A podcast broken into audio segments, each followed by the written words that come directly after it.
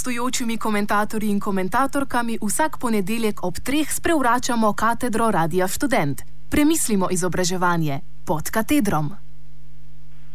Kaj nam pove akademska odličnost? Pozdravljeni v novi ediciji pod katedrom. Tokrat bomo skušali odpreti eno bolj priljubljenih besed današnje univerze: akademska odličnost. Način njene rabe nas navdaja slutnjo, da gre ponovno za eno tistih praznih veder, kamor je moč natočiti karkoli se nam zljubi. To predstavlja svoje vrstno zagato. Ta krilatica se namreč po pravilu ustavljene rabe pojavlja skoraj da v vseh strategijah in vizijah razvoja, s katerimi se predstavljajo in postavljajo današnje univerze z vsemi fakultetami vred.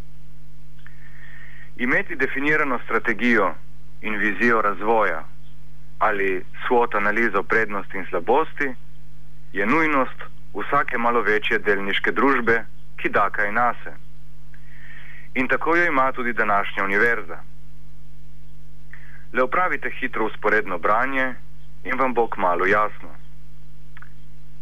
V tem jeziku človeških vrelcev, resursov in njihove učinkovite rabe ki je že postal jezik univerze, ponopravno nastopa tudi akademska odličnost. Pa, pa poglejmo, kako o akademski odličnosti govori strategija razvoja Ljubljanske univerze, ki nosi podnaslov Odlični in ustvarjalni. Pravzaprav ne pove kaj dosti, pove le, da gre za vrednoto in to prvo izmed petih vrednot, zadnja je etika. Hkrati pa poudari, da je akademska odličnost isto kot zagotavljanje čim više kakovosti. Kaj naj bi bila kakovost, ni pojasnjeno. Je pa podana izčrpna metodologija, kako jo zagotavljati in kako jo meriti. Posebej zanimiva je strategija razvoja FDV, ki je opredeljena kot vrhovni razvojno usmerjevalni dokument, s katerim naj bi fakulteta dobila močno oporo za strateško usmerjanje svojega razvoja in delovanja. Ta razvojno-usmerjevalni dokument je nastal kot plot vseh vodstvenih in strokovnih struktur. Pri tem kaže, da so študente in njihove predstavnike pozabili povabiti k sodelovanju. Dejstvo, da so ta vrhovni dokument spisali le akademski strategosi, pomeni dvoje. Prvo, da ne jemljajo resno to, za kar se izdajajo torej akademsko skupnost. Kot drugo, lahko sprejmemo sklep, da le akademski strategosi lahko povedo, kaj je akademska odličnost. Hitr pregled operativnih ciljev, kot jih imenujejo, pokaže, da, so, da se tako v pedagoški kot znanstveno-raziskovalni dejavnosti fakultete zadeve vrtijo okoli kvantitete.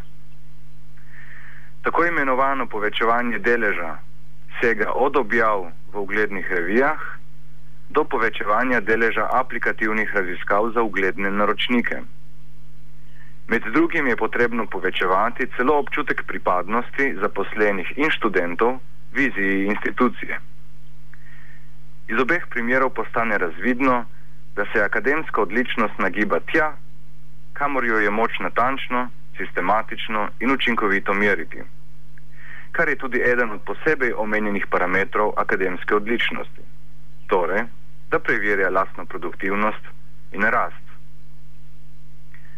Akademska odličnost in poslovna odličnost imata tukaj skupno podlago. Da smo na terenu kvantitativne produkcije in rasti, potrjuje tudi splošen pregled Agencije za raziskovalno dejavnost. Tankajši kriteriji pridobivanja sredstev izraženi v vedno bolj zapletenih formulah, pokažejo natanko to.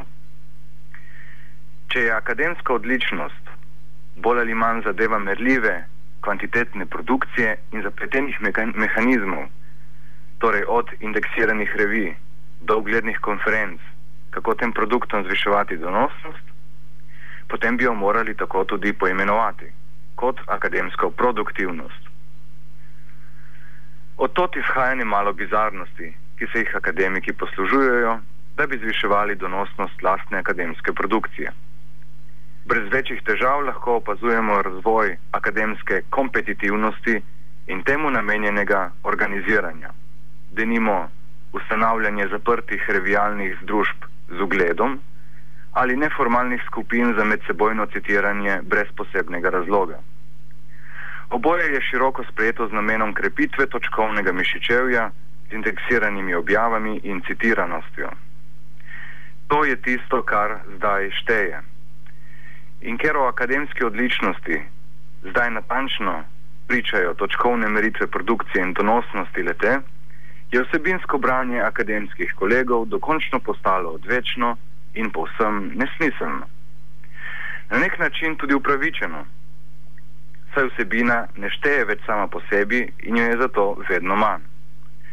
Kot vse kaže, na to igro donosnosti produkcije pristaja celotna akademska skupnost in to v potu svojih obrazov. In to na vkljub temu, da imajo o njej praviloma zelo, zelo kritično mnenje. Nad vse osupljivo je, da izobraženi intelektualci vedo, da je tukaj nekaj hudo narobe in kljub temu ne storijo ničesar. Zakaj in čemu je temu tako, pa je že drugo vprašanje in ga puščamo za naslednjič. Tokratni komentar pod katedrom sem pripravil Igor Biljuklič.